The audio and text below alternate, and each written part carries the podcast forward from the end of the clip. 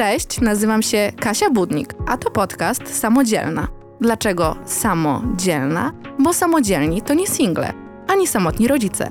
To po prostu dzielne dziewczyny i chłopaki oczywiście, którzy, co tu dużo mówić, muszą opanować o wiele trudniejszą sztukę niż bycie rodzicem, szefem czy osobą zaradną. Sztukę randkowania. A ja moimi historiami chcę pokazać, że po pierwsze, nie jesteśmy w tym sami, a po drugie, każdy z nas wiele razy spadł z tego rowerka i lepiej z tych upadków się po prostu pośmiać. Jak zostałam Ezo Grażyną? Albo kwestia ważniejsza. Jak poznałam Ezo Janusza? I co ma wspólnego mój podcast z tymi dwoma pytaniami?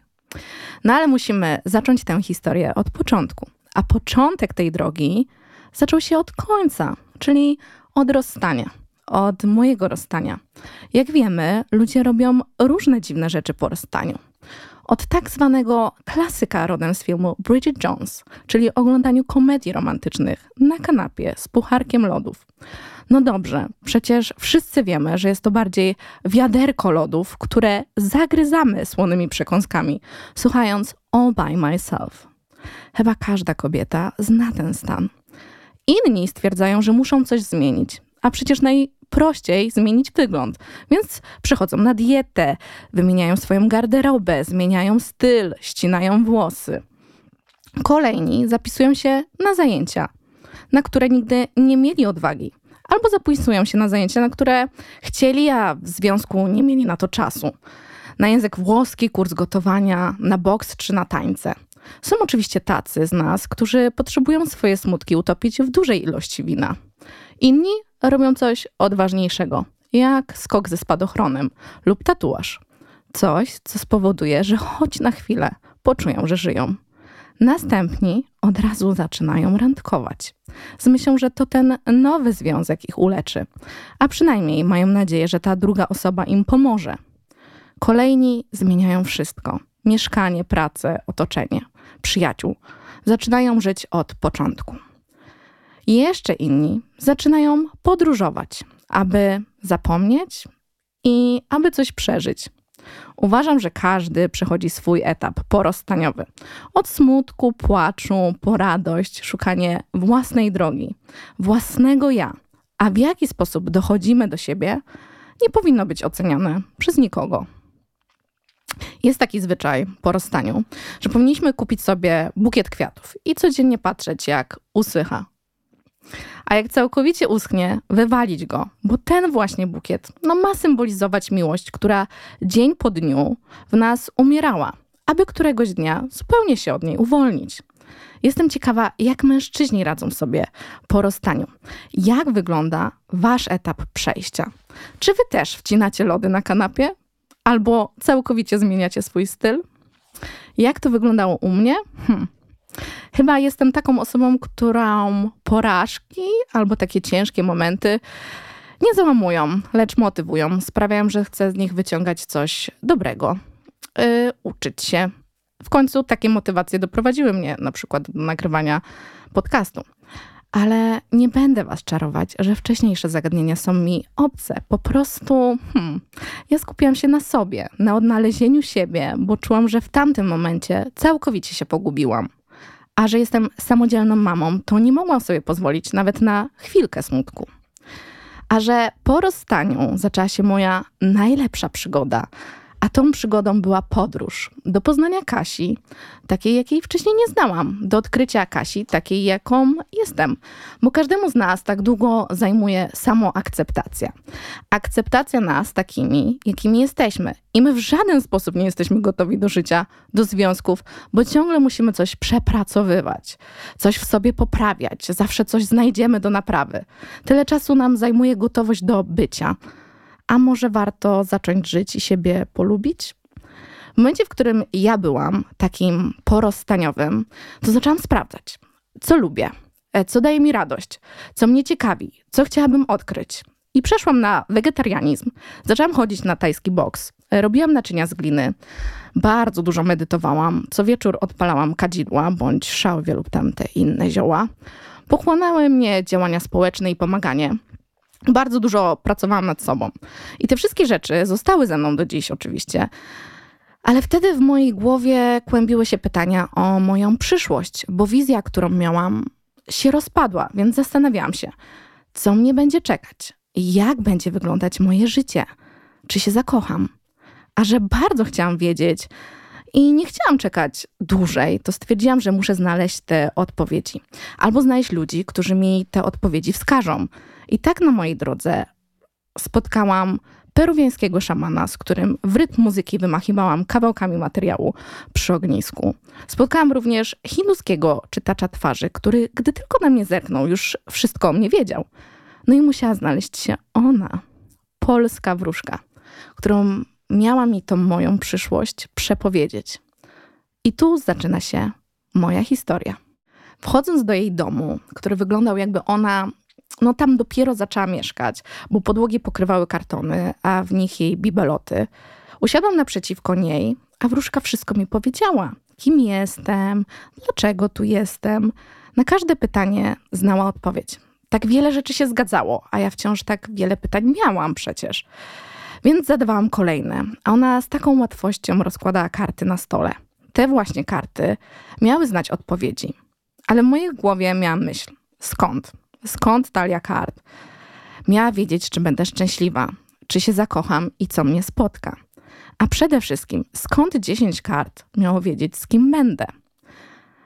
Kobieta opowiedziała mi dokładnie o mężczyźnie, którego pokocham. Nawet kiedy tego mężczyznę spotkam. Że będę z nim miała, wiecie, dalekie podróże, że będziemy tworzyć związek taki prawdziwy partnerski, że będzie, no wiecie, wspaniale. Wiedziałam, że spotkam go w odległym czasie i wiedziałam, jak będzie wyglądać. A że nie chciałam czekać dłużej na ten odległy czas, to uznałam, że skoro mam tak zwaną przewagę i wszystko o tym mężczyźnie wiem, pewnie więcej niż on sam o sobie, to najszybszym sposobem będzie odpalenie naszej dobrej aplikacji. No bo jest tam przecież masa mężczyzn i skupiając się na dokładnie opisanym typie z prędkością światła, Musicie mi uwierzyć, to naprawdę było z prędkością światła. Oddzielałam mężczyzn, wybierając tych, którzy odpowiadali. I tak poznałam jego, Ezo Janusza, który okazał się jeszcze większą ezograżynką niż ja. Od czego by tu Wam zacząć? Może inaczej. Często jest tak, że przyciągamy kogoś naszą energią, bo jest taka energia przyciągająca i jest też taka energia od odpychająca. Przyciągamy kogoś z podobnymi pasjami, kogoś w podobnym momencie życia, kogoś, kto ma podobne poglądy.